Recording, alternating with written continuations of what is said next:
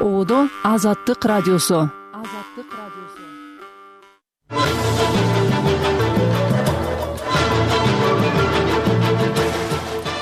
Фредом хаус уюму кыргызстанды төртүнчү жыл катары менен эркин эмес мамлекеттердин катарына кошту бишкек өлкөдө сөз эркиндигин коргой турганын айтып келатат эң ириде он бир журналисттин камакка алынышы өтө жагымсыз окуя болуп жатат. Бир жактуу баа бере берген изилдөөсүнө ишене берген. Туура деп ойлобойм да. Ал арада эл аралык дагы бир башка уюмдун сурамжылоосунда кыргызстандагы эң олуттуу көйгөй деп жумушсуздук жана кымбатчылык аталды. Ошол эле учурда өлкөнүн азыркы багытын жактагандар көп болду. Бириккен улуттар уюмунун баш катчысы газадагы соңку чабуул боюнча иликтөө жүргүзүүгө чакырды. Бишкекте мыйзамдуулугу талаш жараткан имаратка байланыштуу мэрия менен жашоочулардын ортосунда тиреш болууда. Канча жылдап жебей ичпей топтоп үйдү алганбыз. Анан бир күнү келип эле көчөгө чыгарып койгон бул туура эмес.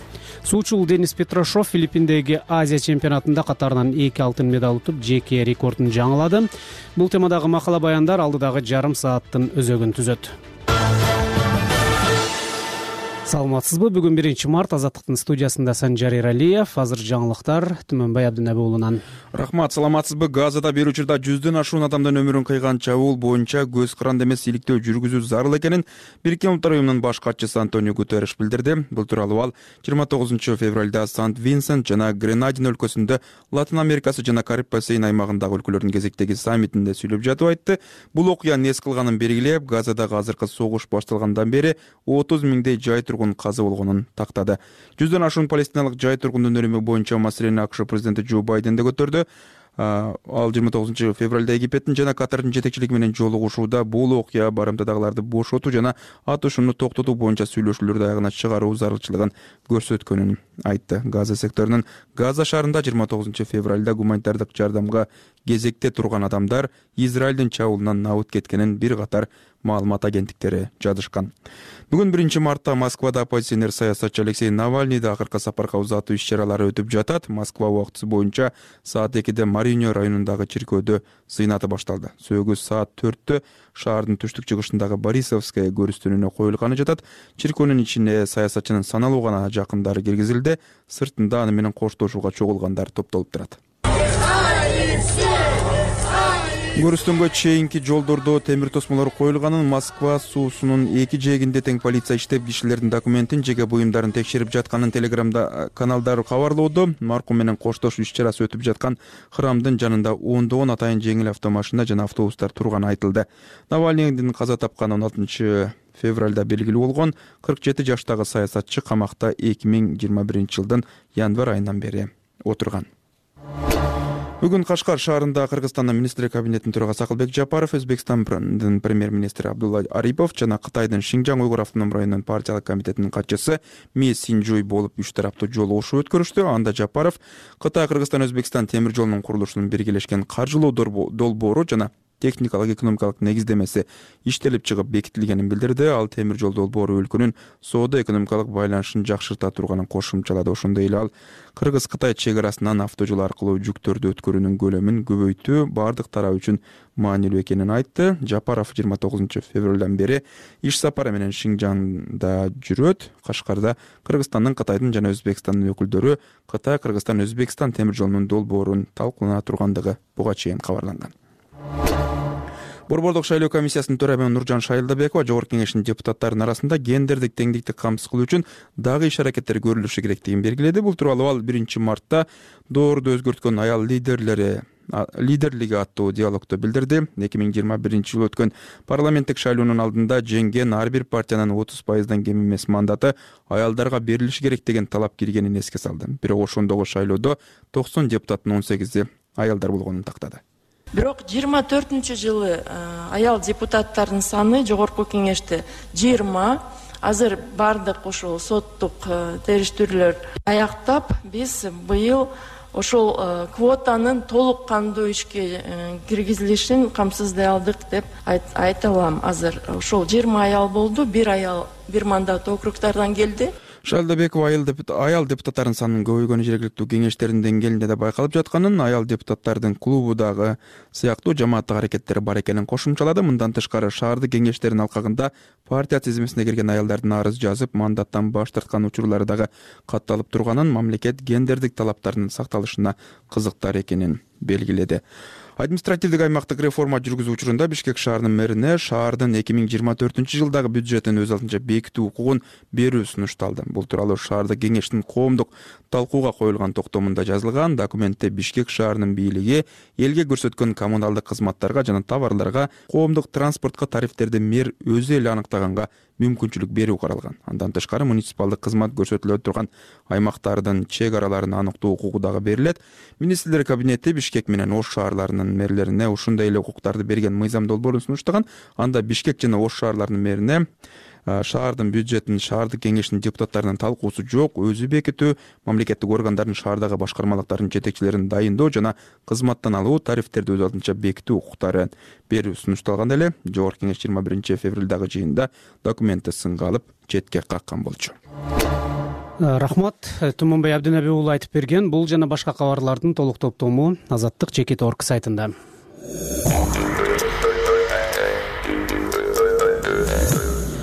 house эл аралык уюмунун жаңы баяндамасында кыргызстан төртүнчү жыл катары менен эркин эмес мамлекет аталды. Баяндама ушул тапта өлкөдө он бир журналист камалган клубтун сайты бөгөттөлгөн жыйырма төрт kg агенттигинин кеңсесине мөөр басылган учурга туш келди.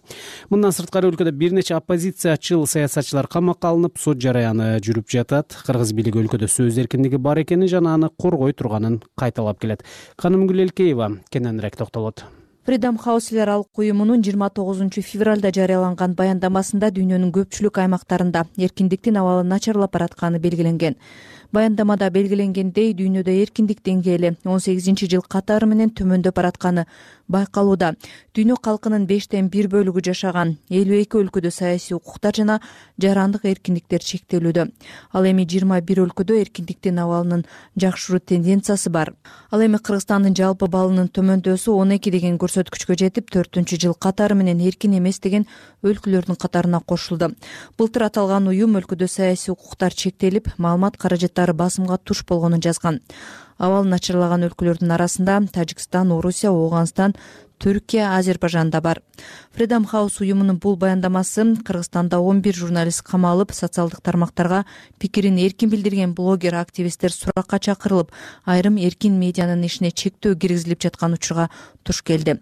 Жалпыга маалымдоо каражаттар жөнүндө жаңы мыйзам долбоору тууралуу дагы учурда талаш талкуу жаралып жаткан учур.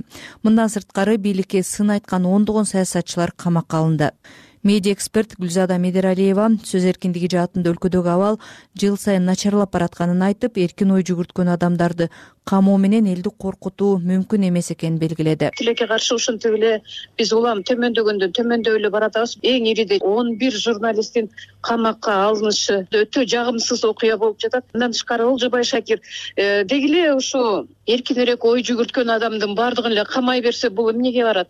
Бул жакшы көрүнүш эмес мынтип отурсак түркмөнстанга баратабыз. Кыргыз эзелтеден эркиндикти сүйгөн калк бул ушинтип эле кете берет деп балким бийлик өкүлдөрү ойлоп жаткандыр бирок андай болбойт. Бир күнү эле тарс этип жарылып калышы мүмкүн андай болбой эле койсун. Бирок ошого өздөрү алып барып жаткандай болуп жатат да. Кыргыз туусу басылмасынын редактору мырзакат тыналиев өлкөдөгү сөз эркиндиги жана freedom house уюмунун баяндамасы тууралуу комментарий берип журналисттердин арасында кээде аша чапкан учурлар бар деген пикирин айтты. Абсолюттуу эркиндик акшнын өзүндө деле жок болсо керек. Белгилүү бир нерселерге мыйзам менен чектөө коюлган учурлар бар да. Мунун деле мындай бир жактуу баа бере берген изилдөөсүнө ишене берген. Туура деп ойлобойм да акыркы инстанцияда чындык деп кабыл алганга болбойт да. Мисалы мамлекеттин коопсуздугу адамдын жеке турмушу диний темалар чектен чыкпай турган. Бизде баары эле чектен ашып кетпедиби буга чейин жогорку кеңештин депутаты элдар абакиров парламенттин жыйынында министрлер кабинети сунуштаган жалпыга маалымдоо каражаттары жөнүндө мыйзам долбоору тууралуу пикирин билдирип документти иштеп чыгууда. Ал элдин кирешесине экономикага кандай таасир берерин эске алууга чакырган. Ошондой эле сөз эркиндиги коррупцияга каршы негизги курал экенин айткан. Юрист таттыбү эргешбаева кыргызстандын эркин эмес өлкөлөрдүн катарынан чыкпай жатышы эл аралык аренадагы аброюна дагы таасирин тийгизет деп эсептейт. Кредиттик жана гранттык колдоолорго чоң таасирин берет. Авторитардык өлкөлөрдө көбүнчө грант колдоолор азаят. Кыргызстан мисалы тышкы карызында азыр көбүнчө кытайга көз карандуу. Гранттык көбүнчө эмнелерди азиатский банк развития всемирный банк европейский банк развития федеративная резервная служба көбүнчө ошондой институттардан биз алабыз да ошолор бизге карата колдоосун азайтып коюшу мүмкүн. Баш кеңсеси вашингтондо жайгашкан фридом хаус уюмунун быйылкы отчетунда жалпысынан жүз токсон беш өлкө камтылган дүйнө калкынын дээрлик отуз сегиз пайызы эркин эмес ал эми кырк эки пайызы жарым жартылай эркин жыйырма пайызы гана эркин деп бааланган өлкөлөрдө жашап жатканын шайлоолордогу бурмалоо согуштар адамдардын пикирин ачык билдирүү укугунун чектелиши негизги көйгөй болуп жатканы белгиленген. Кыргызстан эки миң тогузунчу жылдан бери борбор азиядагы жападан жалгыз жарым жартылай эркин өлкө деген макамын сактап келип эки миң жыйырма биринчи жылы эркин эмес өлкөлөрдүн катарына кошулган. Андан бери бул тизмеден чыга албай келет канымгүл элкеева азаттык бишкек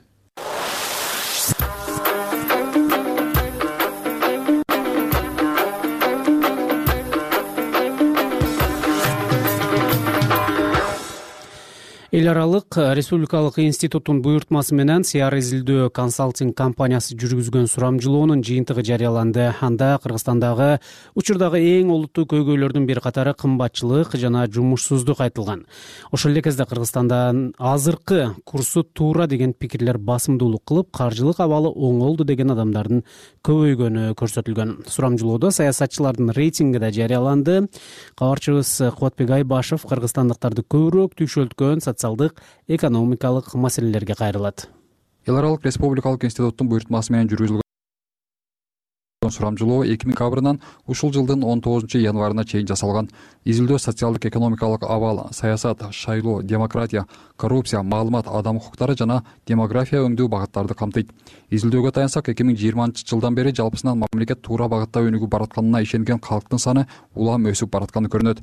Мындай пикирдегилер эки миң жыйырма экинчи жылы рекорддук сексен беш пайызга чейин жеткен болчу.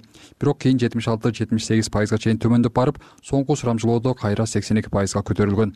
Ал эми туура эмес багытта дегендер акыркы эки жолку сурамжылоодо тең он төрт пайызды түзгөн ошол эле маалда жарандардын жашоо турмушун чагылдырган бир катар конкреттүү көрсөткүчтөр да бар респонденттердин алтымыш сегиз пайызы үй бүлөсүнүн учурдагы экономикалык абалы бул эки миң жыйырма үчүнчү жылдын май айындагы сурамжылоого караганда бир пайызга жогору көрсөткүч абдан жакшы дегендер да бир начар дегендердин саны бир пайызга азайган акыркы он эки айда үй бүлөңүздүн финансылык абалы кандай өзгөрдү деген суроого абдан жакшы деп жооп бергендер былтыркы көрсөткүчкө караганда үч пайызга өссө кайсы бир деңгээлде жакшы дегендер төрт пайызга азайган. Ал эми ошол эле бойдон калды жана кайсы бир деңгээлде начарлады дегендерге бир пайыздан кошулган министрлер кабинетинин төрагасы акылбек жапаров социалдык тармактардагы баракчасында изилдөөдөгү көрсөткүчтөрдү өкмөттүн экономикалык саясатынын жетишкендиктери катары сыпаттап жазды. Сурамжылангандардын жыйырма жети пайызы мамлекет үчүн эң олуттуу көйгөй деп жашоо деңгээлинин абалын жана баалардын кымбаттыгын көрсөткөн.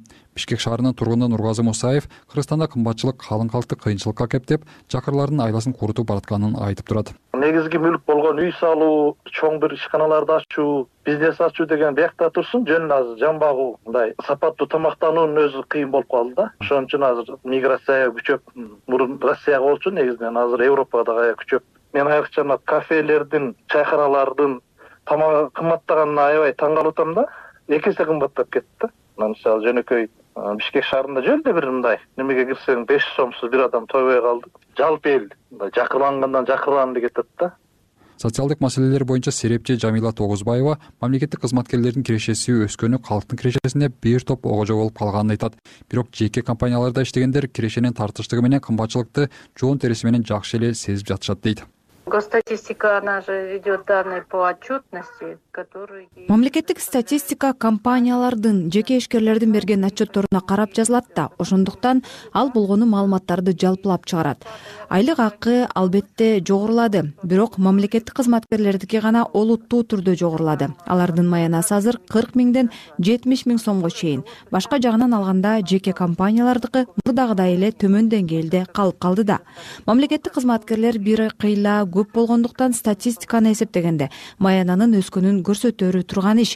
Мен маселен жеке компанияда иштейм. Биздин маянабыз жети жыл ичинде беш миң сомго эле көтөрүлдү. Карап көрсөңөр мамлекеттик кызматкерлерге эки эсе көтөрдү. Мурда отуз миң сом алгандар алтымыш жетимиш миң сом алып калышты. А бизде болсо маяна отуз миң сом болчу. Азыр отуз үч отуз беш миң сом болуп калды жеке тармакта көп деле өзгөргөн жок. Мамлекеттик тармак болсо эки үч эсе көбөйгөндүктөн жакшы эле сезип калды. Сектор конечно не почувствовал ничего. Государственный однозначно почувствовали два в три раза стали получать больше эки миң жыйырма үчүнчү жылдын май айындагы сурамжылоого салыштырганда бул жолу эң олуттуу көйгөй катары жумушсуздукта атагандар он пайызга көбөйгөн. Жумушсуздук шаардыктарга караганда айыл жергесинде көбүрөөк кууч экени көрүнөт.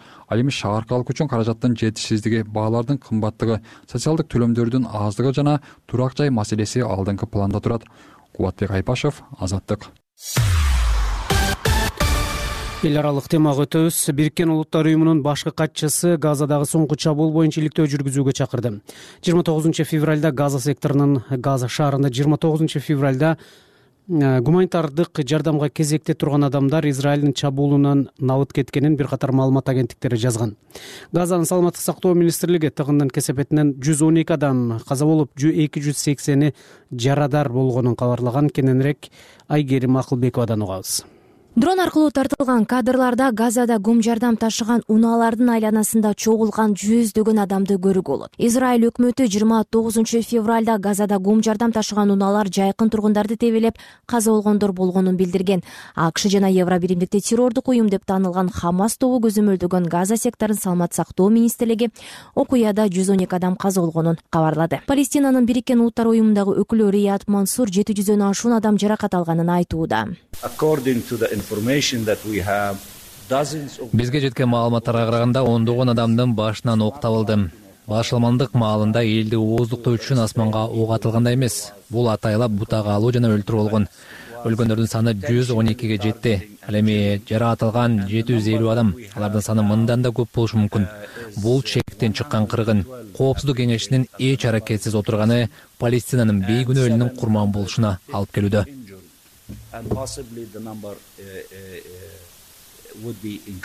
газа тилкесиндеги камал адван жана ал ауда ооруканаларында түрдүү жараат менен ондогон адамдар түшкөнү кабарланды. Израиль армиясынын басма сөз катчысы контр адмирал даниэль хагари буларды айтууда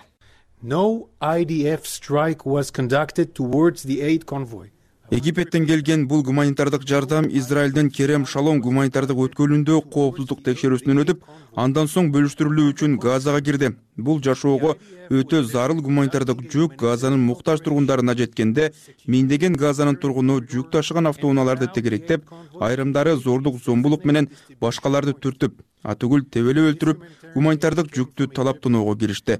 Тилекке каршы бул кайгылуу окуяда ондогон газалык өлтүрүлүп жана жараат алды ушул эле жыйырма тогузунчу февралда бириккен улуттар уюмунун баш катчысы антонио гутереш газа тилкесинде гуманитардык жардам издеп келген адамдардын өлтүрүлүшү эффективдүү көз карандысыз иликтөөнү талап кылган кырдаал экенин айтты. Ал бул пикирин аймактык саммиттин алдында сент винсент жана гренадин аралдарында билдирген. Мунун баш катчысы ушул эле кезде газадагы азыркы согуш башталгандан бери отуз миңдей жай тургун каза болгонун кошумчалаган. Франциянын бириккен улуттар уюмундагы элчиси николя де ривьер буларды айтат биз ар дайым карапайым элге каршы кол салууларды айыптап келгенбиз. Кризистин башынан бери франция баардык тараптарды эл аралык укукту жана өзгөчө эл аралык гуманитардык укукту сыйлоого чакырып келет. Женева конвенциялары муну абдан ачык көрсөтөт. Жарандык инфратүзүмдөр жана гуманитардык жардам кызматкерлери эч качан бутага алынбашы жана алар корголушу керек. Газа тилкесиндеги гуманитардык абал жана карапайым калктын абалы күн сайын начарлоодо жүздөн ашуун палестиналык жай тургундун өлүмү боюнча маселени акш президенти жо байден да көтөрдү. Жыйырма тогузунчу февралда египеттин жана катардын жетекчилиги менен жолугушууда байден бул окуя барымтадагыларды бошотуу жана атышууну токтотуу боюнча сүйлөшүүлөрдү аягына чыгаруу зарылчылыгын көрсөткөнүн айтты. Газа сектордун газа шаарында бир күн мурун гуманитардык жардамга кезекте турган адамдар израилдин чабуулунан абыт кеткенин бир катар маалымат агенттиктери жазышкан эле. Газа секторундагы аскердик операциясын израиль былтыр жетинчи октябрда хамас тобу кол салып бир миң эки жүз кишини анын ичинде аялдарды улгайган адамдарды жана балдарды өлтүрүп эки жүз элүүдөй адамды газага барымтага алып кеткен деп баштаган. Газанын хамас көзөмөлдөгөн саламат сактоо мекемеси ошондон бери сектордо отуз миңге чукул палестиналык жай тургун арасында аялдар жана балдар абат кеткенин билдирүүдө. Көптөгөн өлкөлөр израилде жай тургундар курман болуп жаткан ашкере зомбулукка айыптоодо израилдик аскерлер бутага хамастын согушкерлери гана алынып келатканын алар жай тургундарды тирүү калкан катары колдонуп жатышканын айтууда тынчтык сүйлөшүүлөрү акшнын египеттин жана катардын ортомчулугу менен жүрүп жатат. Муна сатабылса атышы токтоп хамас барымтадагы израилдиктерди израиль камакта кармап турган палестиналыктарды бошотууга милдеттүү болушары айтылып келет. Айгерим акылбекова азаттык жергиликтүү темага кайтабыз. Бишкек мэриясы суяркулов көчөсүндөгү көп кабаттуу имарат коммерциялык максатта соода борбору катары курулган деп тургундардын чыгып кетишин талап кылууда учурда алтымыштан ашык үй бүлө батир сатып алып жашап жатат ал жерде.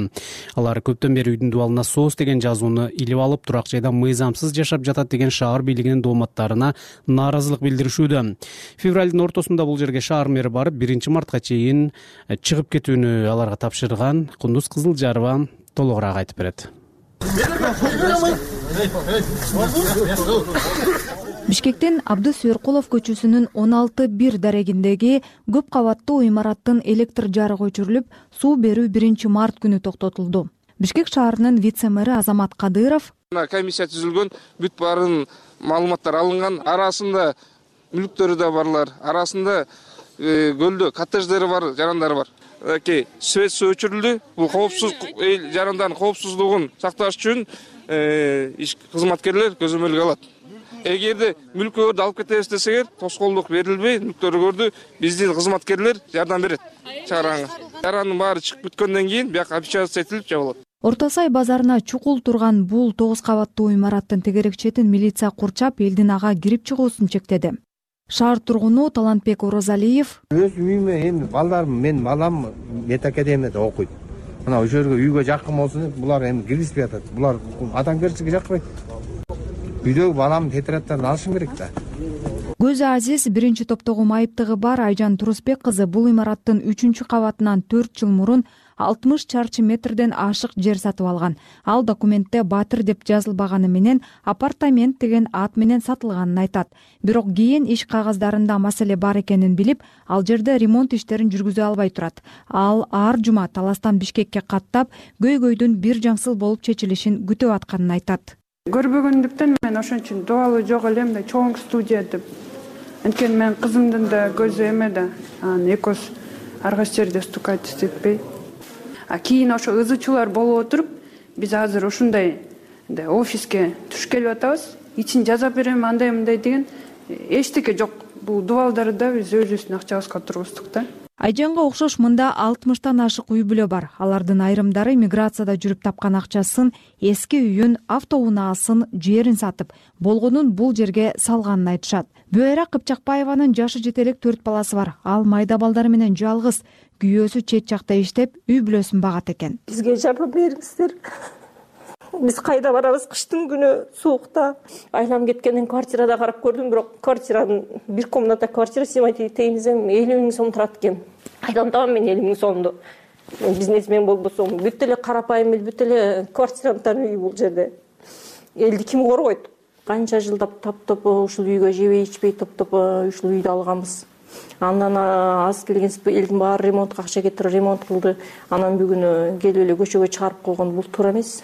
Тургундар батирлерди мыйзамдуу сатып алганын айтып эч жакка көчпөйбүз дешет. Бирок мэрия имараттын электр жарыгы үч инстанциядагы соттун чечими менен өчүрүлүп суу берүү токтотулганын билдирди.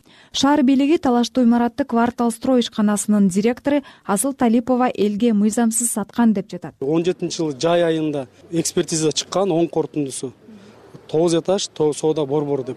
Ошол эле бир айдан кийин бизде реестрге турат. Надзор жүргүзүлүп келген. Жыйырма биринчи аягы жыйырма экинчи жылдары уже элдер кирип баштаганда биз штраф салып тийиштүү мекемелерге кат жөнөткөнбүз. Самовольный эксплуатация болуп атат. До ввод эксплуатация бул жерге адам киргенге даже бул жерге ввод эксплуатациядан кийин дагы жашаганга болбойт. Анткени бул соода борбору деп айтты мамлекеттик курулуш агенттигинин бишкек шаары боюнча көзөмөлдөө бөлүмүнүн башчысы самат селибаев былтыр апрелде жогорку сот бул имараттын жашоочулары менен асыл талипова аттуу жаран жетектеген квартал строй компаниясынын келишимдерин мыйзамсыз деп тапкан. Ишкананын ээси талиповага соода жайын мыйзамсыз сатуу фактысы боюнча кылмыш иши козголуп ал камалган. Талаштуу имарат нуржанат лтд компаниясына тиешелүү экени көрсөтүлгөн. Бул ишкана бишкек мэриясынан коммерциялык муктаждыктар үчүн деп белгиленген он эки соток жерди кырк тогуз жылга ижарага алган нуржанат лтднын юристи нурбек сабиров буга чейин курулушка чет өлкөлүк инвесторлор үч миллион доллар салганын жалданма компания квартал строй элге баатыр кылып сатып жибергенин айткан. Курулуштун долбоору боюнча тогуз кабаттуу имараттын эки кабаты бизнес үчүн жогорудагы кабаттары жумуш кеңсеси деп пландалган кундуз кызылжарова азаттык бишкек. Кыргызстандык сууда сүзүүчү денис петрошов филиппинде өтүп жаткан азия чемпионатында катарынан эки алтын медаль утуп жеке рекордун жаңылады. Муну менен ал азиянын төрт жолку чемпиону болду. Сөздү гүлжан турдубаева улантат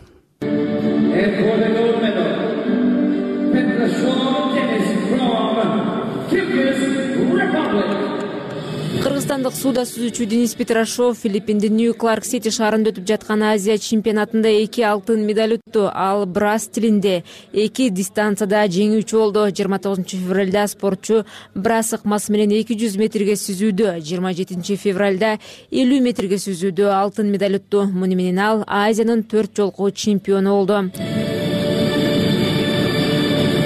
буга чейин эки миң он жетинчи жылы брас ыкмасы менен жүз метрге сүзүүдө. эки миң он тогузунчу жылы ушул эле ыкма менен эки жүз метрге сүзүүдө азия чемпиону болгон спортчу азаттыкка курган маегинде азия чемпионатында атаандаштык курч болгонун айтты. Стал я двукратным чемпионом азии именно на этом чемпионате. Бул азия чемпионатында эки жолку чемпион аталдым. Атаандаштар азиянын баардык өлкөлөрүнөн келди.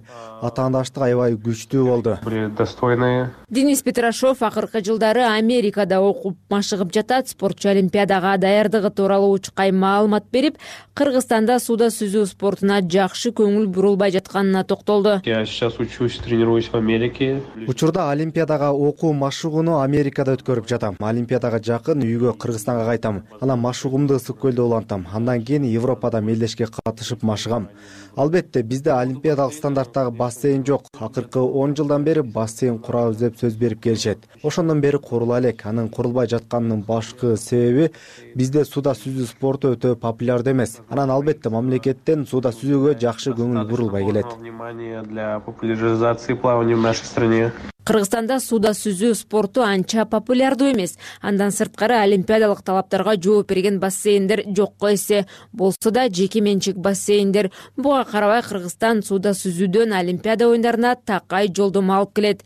Денистин атасы евгений петрошов сууда сүзүү боюнча кыргызстандын спорт чебери үч жолу олимпиада оюндарына катышкан учурда ал улуттук курама команданын башкы машыктыруучусу ал париж олимпиадасына кыргызстандын сууда сүзүүдөн дагы бир жолдомо алууга мүмкүнчүлүгү бар экенин айтты. На чемпионат азии поехало шесть человек представлял кыргызстан. Бул азия чемпионатына алты киши катышты. Балдар абдан жакшы жыйынтык көрсөттү. Денис эки алтын байге утса калгандары өз көрсөткүчтөрүн жакшырта алышты. Биз азыр пландап жатабыз. Дагы бир кызыгыбыз париж олимпиадасына жолдомо утууга мүмкүнчүлүгү бар. Буюрса июнь айларында билинет. Завоевать лицензию жаштар иштери диний тарбия жана спорт департаменти жыл сайын сууда сүзүү федерациясына беш миллион сом каражат бөлөт. Бул спортчулардын эл аралык мелдештерине катышуусуна окуу машыгууларына жана өлкө ичиндеги мелдештерди өткөрүүгө жумшалат. Спорттун олимпиадалык түрлөрү боюнча дирекциянын кызматкери айгерим мамеева быйыл көбүрөөк каражат бөлүнгөнүн айтты. В этом году так как у нас олимпийский год быйыл олимпиадалык жыл болгондуктан ага даярдануу үчүн сууда сүзүү федерациясына каражат жети миллион сомго көбөйтүлдү улуттук курамада жыйырма спортчу бар. Алардын баары бишкекте эл аралык талапка жооп берген бассейндер жок болгон үчүн жеке менчик бассейндерде машыгышат. Ал эми окуу машыгуулары ысык көлдө элүү метрлик бассейн бар. Денис петрошов да ошол жакта машыгат. Бирок көбүнчө чет өлкөдө машыгуу өткөрөт. Денис петрошов учурда жыйырма төрт жашта ал жети жашында сууда сүзүү менен алектенип он төрт жашында эл аралык мелдештерге чыга баштаган он алты жашында рио де жанейродо өткөн олимпиада оюндарына катышкан андан кийин токио олимпиадасына да катышты. Ал эми быйыл болсо олимпиада оюндарына үчүнчү ирет жолдомо утуп алды. Гүлжан турдубаева азаттык бишкек жер эне подкаст. Азаттык радиосу желим бөтөлкө азаябы көбөйө берет күндөн күнгө көбөйө берет жыйырма жети баклажка ошол э, көчөдө ушул күндө жатат эмне себептен жатат? Пластик бул э, кооптуу калдыкка кирет. Мамлекет азыркы күнгө чейин толук билбейт кайсы бул жыйылым пакетке кирет кайсы бул жыйылым бөтөлкө кайсы бул темирге кирет. Ошол өндүрүүчүлөр импортерлор өзүнүн алып келген товарыны төлөш керек. Бутиль жыйым булгоочу бул э, төлөйт деген принцип да бул дүйнөлүк принцип да э, болгону жеке ишкерлерге көмөк берсе батыраак ишке ашат. Бизде өкүнүчтүү кыргызстанда мындай кадрлар аз да жок да мага чалып атат. Менде лейликте ушундай бир тонна баклажка бар. Алып кетесиңби эми мен лейликтен кантип алып келем бир тонна баклажканы. Желим эле проблема эмес. Азыр баардык калдыктардын баары проблема. Жер эне. Желим таштанды көйгөйүнө арналган бул подкастты азаттык чекит орг сайтынан apple жана google подкаст аянтчаларындагы жер эне каналынан угуңуз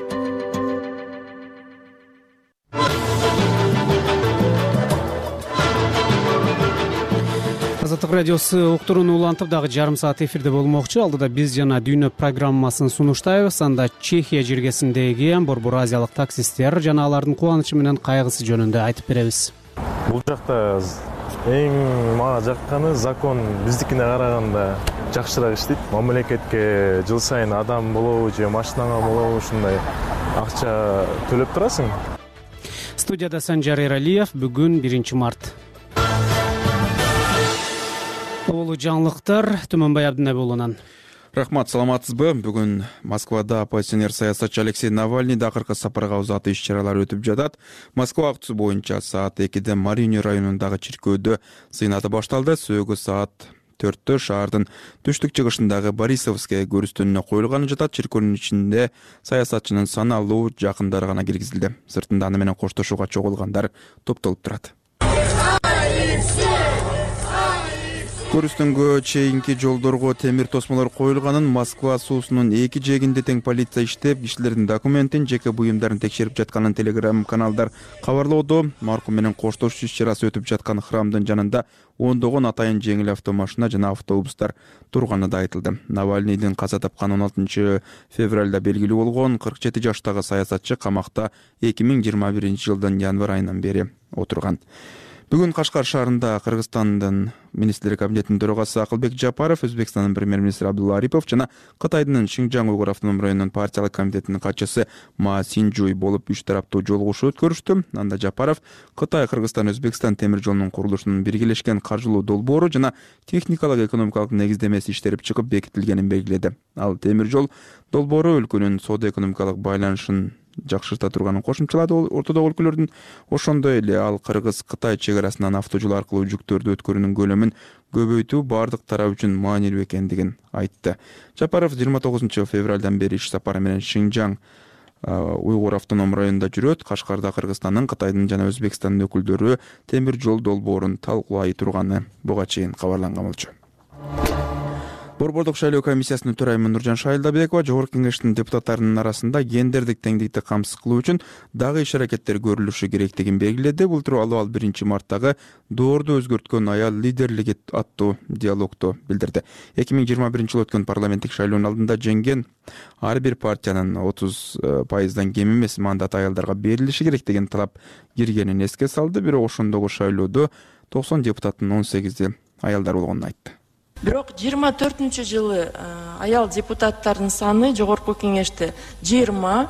Азыр баардык ошол соттук териштирүүлөр аяктап биз быйыл ошол квотанын толук кандуу ишке киргизилишин камсыздай алдык деп айта алам. Азыр ошол жыйырма аял болду. Бир аял бир мандат округдардан келди шайылдабекова аял депутаттардын санынын көбөйгөнү жергиликтүү кеңештердин деңгээлинде да байкалып жатканын аял депутаттардын клубу сыяктуу жамааттык аракеттер бар экенин кошумчалады. Мындан тышкары шаардык кеңештердин алкагында партия тизмесине кирген аялдардын арыз жазып мандаттан баш тарткан учурлары дагы катталганын мамлекет гендердик талаптардын сакталышына кызыктарлыгын белгиледи. Эки миң тогузунчу жылы кыргызстан гендер теңдиги жөнүндө мыйзам кабыл алган анда бир жыныстан бир жыныстагы кызматкерлердин саны жалпы жамааттын отуз пайызынан кем эмес болушу керек деп жазылганы менен бул талап сакталбай жатканын сынга алгандар бар.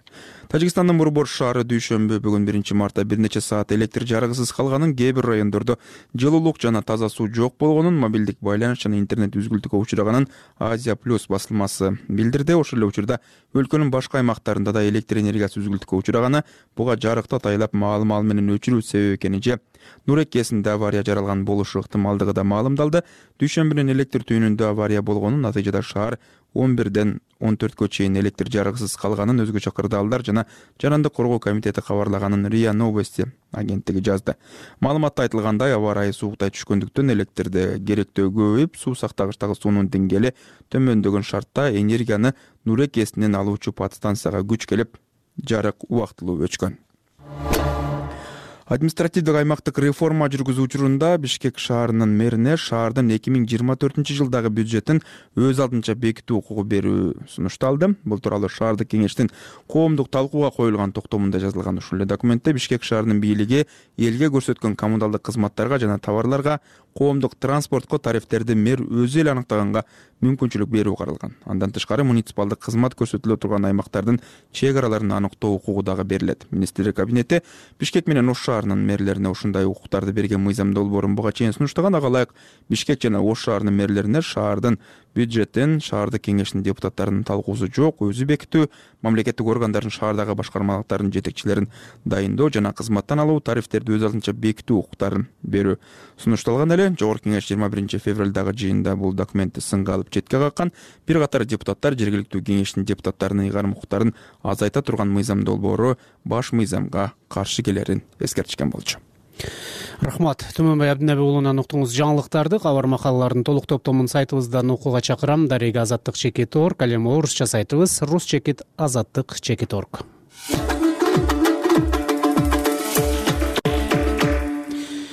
эски европада такси кызматы он жети кылым он жетинчи кылымда эле пайда болгону тарыхтан белгилүү. Алгач атка чегилген араба эл ташыса кийин бул кызматты автоунаалар аткарып калган. Чехиянын прага шаарында азыр деле таксиге суроо талап чоң. Кызыгы прагада эми кызматтын бул түрүн борбор азиядан барган мигранттар колго алган. Айгерим акылбекова чех жергесиндеги борбор азиялык таксисттер менен тааныштырат. Приложенияга киребиз сразу муну күйгүзсөк эле уже кээде ушинтип сурап калат жума сайын или эки жумада бир өзүңдү сүрөткө тартып тияка кетирип турушуң керек. Бул европадагы такси кызматынын өзгөчөлүктөрүн айтып берип жаткан кыргызстандык баястан. Ал бир жылдан бери чехиянын борбору прага шаарында жүргүнчү ташыйт. Пец деген бул ит менен жүргөндөр мен ит салбайм. Пецти бассаң итти баардык адамдар заказ беришет. А эмнеге сен ит салбайсың өзүмдүн машинам болгондуктан кирдетким келбейт европадагы такси айдоочулар үчүн жергиликтүү тилди билүү абдан маанилүү. Анткени жергиликтүү кардарлар көбүнчө чек же англис тилинде сүйлөйт. Клиент негизи жаңы алганда жөн гана учурашабыз анан коштошобуз.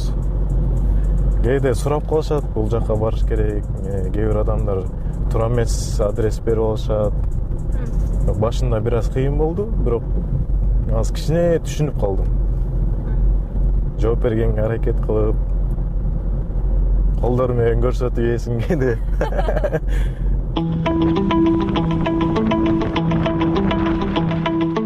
жайдын аягынан күздүн аягына чейин жакшы болот жумуш мен ошол убактарда иштеп калдым. Сезон э сезон жыйырма эки жаштагы баястан адегенде чехиянын заводдорунун бирине ишке келген. Бир нече айдан кийин өзү автоунаа сатып алып таксиге ишке орношот айтмакчы азыр ал айдап бараткан унаа чех заводунан чыгат. Добрый день э, менин өзүмдүн правом болгон кыргызстанда. Ал международный право бул жакта англисче жазылган. Ошону беребиз. Бул жакта бекер эле чыгарып берет муну которуп а берки эски правону болсо кыргызстанга салып ийет полицияга. Өздөрү? Эски правоң жок азыр? Эски правом жок муну менен жүрөм. Жилнастек деп коет ошондой ачтырып туруп анан ачтырышат мындай болот. Бул жок э, таксиге кире албайсың жаман айдасаң или катуу айдасаң минимальный оценкаларды койсо бул түшүп кетет. Баястан экөөбүз праганын борбордук вацлав аянтын бойлой европадагы миграция тууралуу сүйлөшүп бараттык. Акыркы үч жылдан бери ал батыштын бир нече өлкөсүндө иштөөгө жетишкен. Адамдары жөнөкөй э, бул жакта эң мага жакканы закон биздикине караганда аябай жакшыраак иштейт. Например машинага страховка адамдын ден соолугуна страховка деген ошондой нерселер жагат да мага. Мамлекетке жыл сайын адам болобу же машинаңа болобу ушундай акча төлөп турасың бир канча процент. Бирок кандайдыр бир учурда ооруп калсаң или машинаң менен бир сүзүп же кырсыкка кабылып калсаң ошонун баарын э, мамлекеттин атынан или страховой компаниялардын атынан машинаң жөндөлүп э, ден соолугу э, ден соолугуна дагы кам көрүлөт бул жакта. Ошол нерселер жакты мага.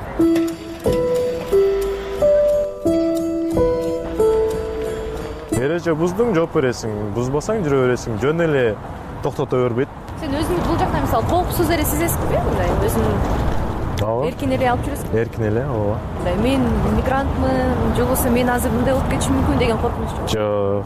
Бирок по любому мигрант болуп бул жака келгенден кийин башка мамлекетте мындай киши менен урушпаганга аракет кыласың. Баары бир мигрант болгондуктан сөзүң ылдый болот баары бир ошондой сезилет. Ошондуктан эч ким менен тийишпей эч ким менен урушпай жаман сүйлөп бирөө тийишип атса ооба деп басып кетесиң. Ошол эле жакшы го деп ойлойм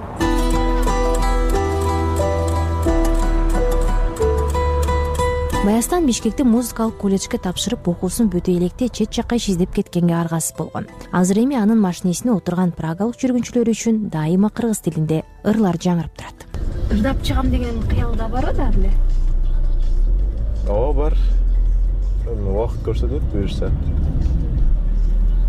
дагы жашпыз. Дагы убакыт бар дегендей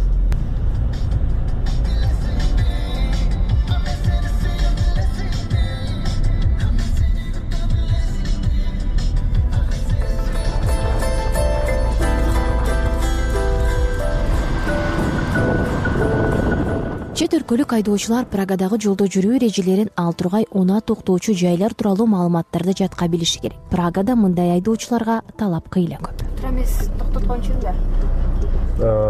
бул жака акча төлөдүбү төлөгөн жокпу ошону текшеришет. Парковкалар акча? Ооба. Могу көк линиядагылар бул жакта жашаган элдердин парковка койчу жерлери бирок ушул жерге дагы айына акча төлөшү керек булар. Мына бул жерде да жашашат өзбекский кухня. Биз постоянно ушул жактан обед кылабыз. Э, кечинде он он жарымдарда жабылат. Ага чейин жетишип калсак ужин да ичип калышыбыз мүмкүн. Но көбүнчө үйдөн ичебиз ужинди көбүнчө тааныштар болуп калат бул жерде казакстандын алматы шаарынан келген сүлеймен да такси айдайт сүлеймен менен баястан праганын чет жакасында батирде бирге турушат. Сүлейман экөөбүз чогуу иштейбиз. Чогуу жашайбыз. Бир комнатада төрт бала ошондо. Төрт бала. Эки кыргыз анан эки казак. Кыргыз казак бир тууган. Бирге жүрөбүз бирге жашайсыңар э бирге жашайбыз ошол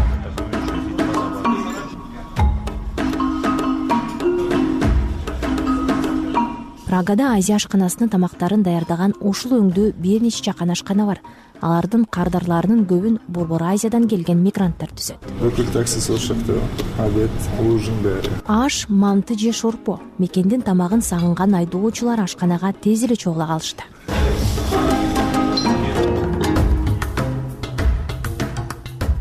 Тамак үстүндө бири бири менен сүйлөшүп жаңылыктарды айтып кадимкидей чер жазышат азыркы жүргүзүүчүлөр казакстан кыргызстан өзбекстан. Сол айлыкка байланыштуу ошол жака келип жумуш истейт әйтпесе бизде да айлык көп болсо эмне кылат бул жака келип эчким иә ариптестерим баардыгыбыз жүргүзүүчүмүз нурсултан абилдаев казакстандык айдоочу ал европадагы миграцияны негизги өзгөчөлүгү мыйзам чегинде иштөө деп эсептейт. Токсон агыз сөздүн тобоктой түйүнү бирөөгө сен тийиспесең келип эч ким тийиспейт өтө маданияттуу болсаң баардыгы жакшы бул жакта.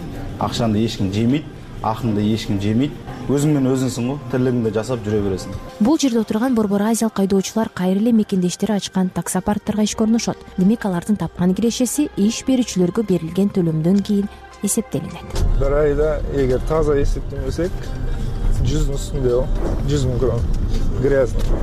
Анан таксопарктын баарынын комиссиясын алып салсаң уже өзүңө калат да ошондон алып калган жүз миң? Жок одан алып калса бир алтымыш жетимиш калат. Трамвай автобус метро. Кыскасы коомдук транспорт жөнгө салынган чехиянын борборунда такси кызматына суроо талап канчалык деген суроо жаралышы мүмкүн. Такси кызматынын негизги кардарлары бул өлкөгө келген чет өлкөлүктөр.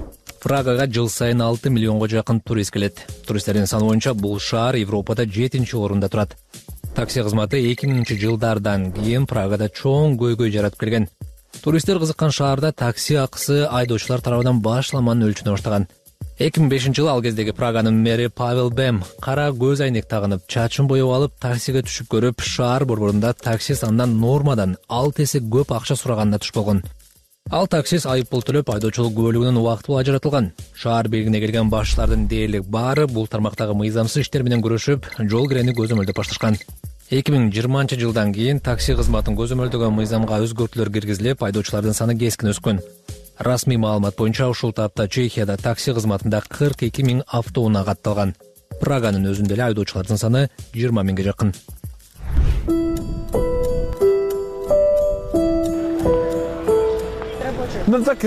праганын тургуну петр носек менен туристтер агылган шаардын борбордук бөлүгүндө жолуктук. Ал бир нече жыл китеп дүкөнүндө иштеп борбор азияны чыңгыз айтматовдун чыгармалары аркылуу тааныган. Мен кезинде чыңгыз айтматовдун китептерин окугам. Анан жок мен индияга эмес кыргызстанга барам деп чечтим. Анан досторубуз менен кырк күндөй жүрдүк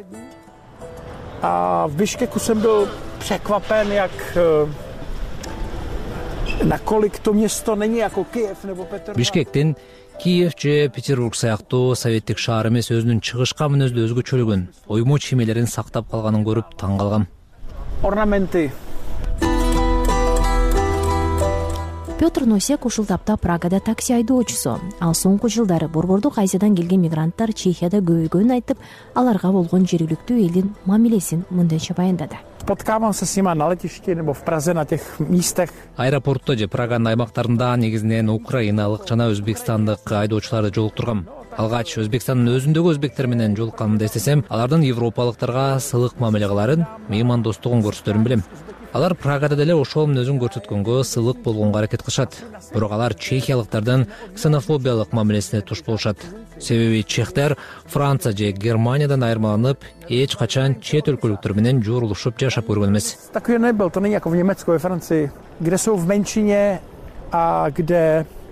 Менимче бул жашап жаткан өлкөдөгү азчылыкты түзгөн баардык эмигранттардын тагдыры жергиликтүү коом ачык болбосо салкын мамиле кылса мигранттар да аларга жараша мамиле кылышат.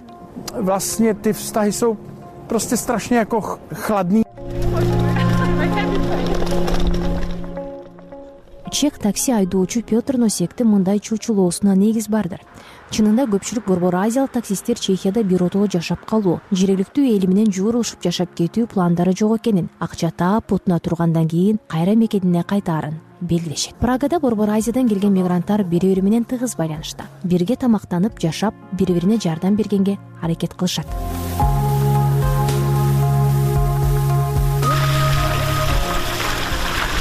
Баш калаадан анча алыс эмес жайгашкан брандис айылы бул жерде борбор азиялык айдоочулар кайрылган автоунаа оңдоочу жай жайгашкан.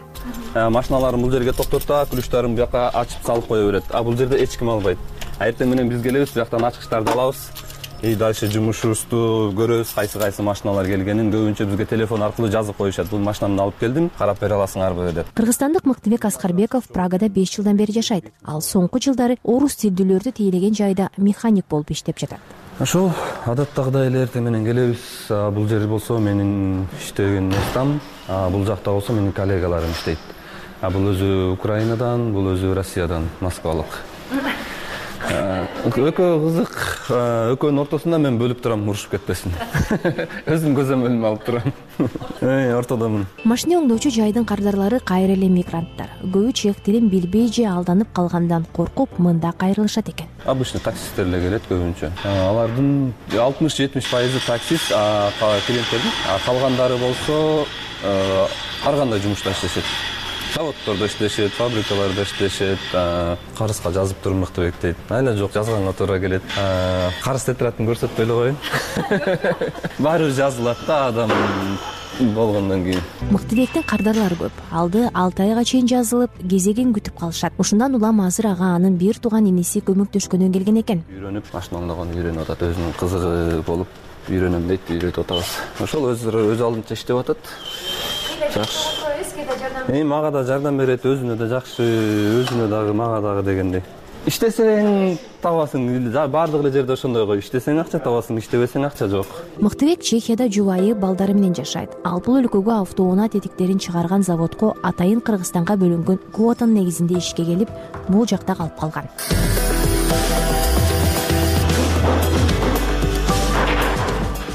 кыргызстандыктардын чехияга узак мөөнөттүү виза алышы тагыраагы жумушка же окууга келиши соңку жылдары абдан татаал. Машакаттуу маселеге айланган. Кыргыздар прагага көп келе алышпайт. Дагы келсе башка словакияга например польшага ошол жака виза жасап анан бул жака келип иштеп атышат. Бияктан көп нерсе үйрөндүм адамга болгон мамилеси отношениясы машина оңдогону дагы көбүнчөсүн бияктан үйрөндүм чехиядагы мыйзамга ылайык машиненин чыккан жылына жараша ар жылы же эки жылда бир автоунааны текшерүүдөн өткөрүү экен жүргүнчү ташыган такси кызматынын унаалары да бул мыйзамга ылайык маал маалы менен текшерилип турат. Техникалык абалы начар болгондуктан бул техосмотр өтпөй калган. Ыргыт кыла деп берди а бул жакта как положено каралат баары ушундай чирик мирик болсо өтпөйт борбордук европада жайгашкан чехияда ички иштер министрлигинин маалыматына караганда эки миң жыйырма үчүнчү жылы туруктуу жашап иштеген чет өлкөлүктөрдүн саны бир миллиондон ашкан. Алардын жетимиш эки пайызы үчүнчү өлкөлөр же евро биримдиктен сырткаркы жактан келгендер.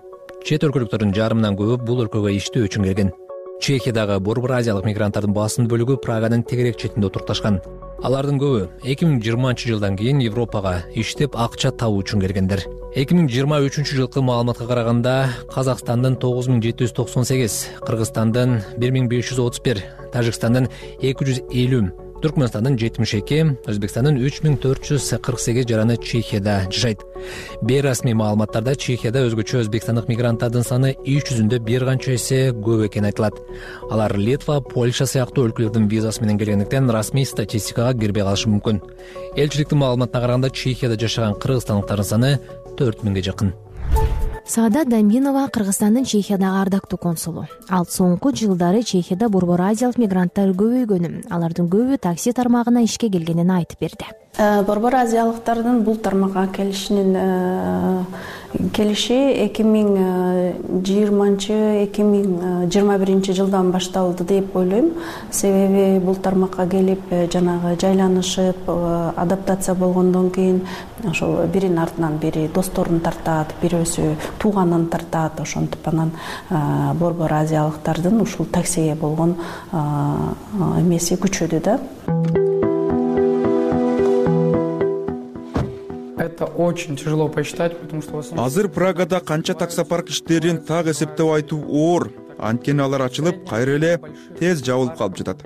Борбор азиялык айдоочулар ачкан ири таксопарктардын саны төрт беш максимум в целом незаконно работают. Таких людей к сожалению очень таксопарк ачып мыйзамсыз иштеген ишкерлер менен чех өкмөтү соңку жылдары күрөшүп жатат. Шаар ичинде мыйзамсыздыкты аныктаган рейддер көп жүрө баштады. На каких то точках их проверяют часто и часто ловят. Кыргызстандык дилшот курманов борбор азиялыктар иштеген таксопаркта айдоочуларды жумушка кабыл алып аларды тейлеп тескеген кызматта. Наши водители биздин айдоочулар эмгекчилдиги менен айырмаланып турат. Алардын баары тапканын үйүнө жөнөтүшөт. Алардын негизги максаты тынбай иштеп акча табуу дилшот иштеген таксопаркта ушул тапта сексенге жакын айдоочу бар. Таксопарк айдоочулар менен эки келишим аркылуу иштейт. Бир айдоочулар өз унаасы менен элди тейлеген партнердук келишим болсо экинчиси таксопарк өзү унааларды ижарага берген келишим. Как вам машина? Дилшот менен бирге праганын чет жакасына жайгашкан автоунаа салонуна келдик. Бүгүн бул жерден таксопарк айдоочуларга жаңы автоунааларды караштырып жатат. Сегодня только три машины заберем бүгүн үч машинени алып кете турган болдук? Салон бизге бештен бөлүп жиберерин айтты. Толугу менен отуз унаа азыр бул жакта жок экен. Биз менен кошо бүгүн айдоочулар да келген. Мына экөө өзбекстандан бири украиналык.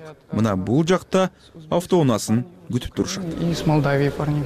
Өзбекстандык айдоочу равшан караев айдай турган жаңы унаасын бүгүн эле көрдү. Биринчи жолу отуруп атасызбы бүгүн биринчи жолу биринчи марта кандай экен машинаңыз? Зор зор бекен равшан караев бухарада ал чехияда эмгек картасы менен иштеп жатат. Алты айлык алып келдим бул алты айлык виза менен келип бул жактан карта алдым эки жылга. Ноябрдан кийин анын мөөнөтүн узартуу керек. Жана продление кылыш керек. Жактыбы прага жокуп калды энди жакып калды азыр эми жагып калды. Башында келгенде жакпай жаткан. Жакмаган да эми бул унаалар такси кызматын көрсөтүү үчүн атайын каттоодон өтүүсү зарыл ал иш бир нече күнгө созулат. Равшан караев прагада бир жылдан бери иштеп жатат. Ал машинени таксопарктан ижарага алып айдайт кимдир машина алат кимдир үй салат кимдир тапкан акысына кимдир бирөө машина алат бири үй салат той кылат. Мен азыр үй салайын деп атам. Үй кылабыз. Үй салып атасыз үй салбай иштейсиз саякаттабайсыз акчанын баарын чогултуп пулду жибересиз үйгө айтат эки. Сөз бар эмеспи? Казак байыса аял алат өзбек байыса үй салат. Үй курат дейт мен үй салып жатам. Аял алган жокмун. Равшан жердештеринин көбү таксиде иштерин айтат. Өзбек айдоочулары ачкан таксопарктар да аз эмес. Алардын айрымдарын санап өттү. Бир беш жүз таксиде иштегендер эле беш жүздөн ашык. Өзбектер ачкан таксопарктар да бар дейт а? Бизде бухара сити бар берге бухара сити деген бар. Дагы көп. Алар машинени ижарага берет. Флот да. Машина машина арендага берасиз и аласыз ушундай кандайдыр келип калган эми кийин друг друга качандыр бир бир өзбек мигрант келип калган анан башкаларды чакыра баштаган. Өзбекстанда бул жаңылык болуп башкалар келе башташты. И келяпты да калган эле таанышы маселан таксиде иштеген мигранттардын көбүнүн жакындары үй бүлөсү мекенинде алар үчүн жакындарын бул жака алып келип документтерин даярдоо дээрлик мүмкүн эмес. Равшандын үч баласы жубайы бухарада калган. Кыйын эмес эми хамма иштеш керек да. Бетте адам кыйын деле деп айтпайм бирок тынбай иштеш керек. Бир адам иштесе бага албайт да үй бүлөнү. Батир ижарага алыш керек. Үй бүлөң менен өзүнчө батирге чыгууга туура келет. Отдельно өзүңүзгө бөлүш керек. Эми бутта жибере алайбыз деп жашамайсызбы нема жыяным бар. Жээним экөөбүз чогуу жашайбыз. Дагы эки адам бар. Төрт киши жашап жатабыз. Азырынча. Жашап отурмуз азырынча. Квартира кымбат бекен өзү прагада миң доллар. Бул жакта бир бөлмөлүү батирге ижара акы миң доллар. Полторашка дейт да? Равшан караев күнү түн уктабай айына эки миң үч миң доллар акча табаарын айтат. Бирок ал ошол эле кезде европадагы чыгымдар да көп экенин белгилейт иштеш керек да иштеш керек чыгым көп. Расход көп? Эки миң доллар чыгымым бар. Эки миң доллар көп уктасаңыз аз акча табасыз. Көп уктасаңыз кам пул тапасыз канча саат уктайсыз эң көп уктадым дегенде. Алты саат жети саат алты жети саат. Көп уктасаңыз акча жок. Көп болбойт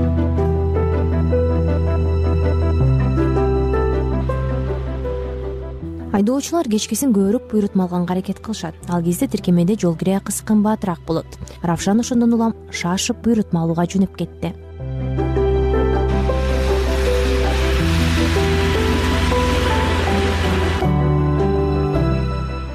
Жекшембинин кечи. Прагада өзбек мигранттары чогулган имаратка келдик. Мында китепкана намаз окулган жай. Ал тургай чач тарач да бар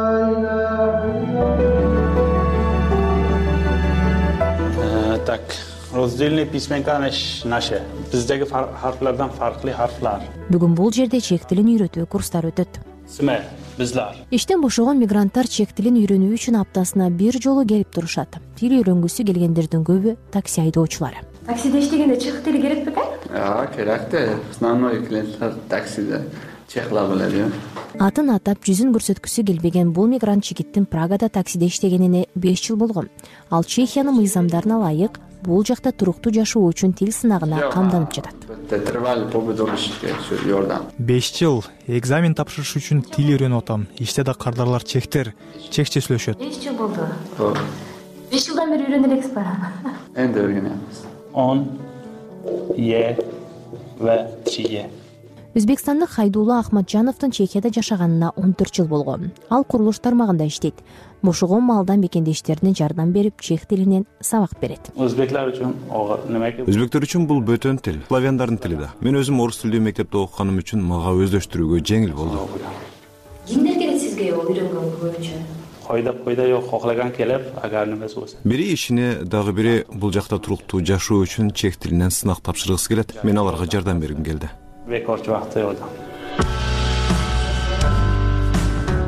прагада дагы бир жекшемби аяктады. Алдыда жаңы жумуш аптасы башталат.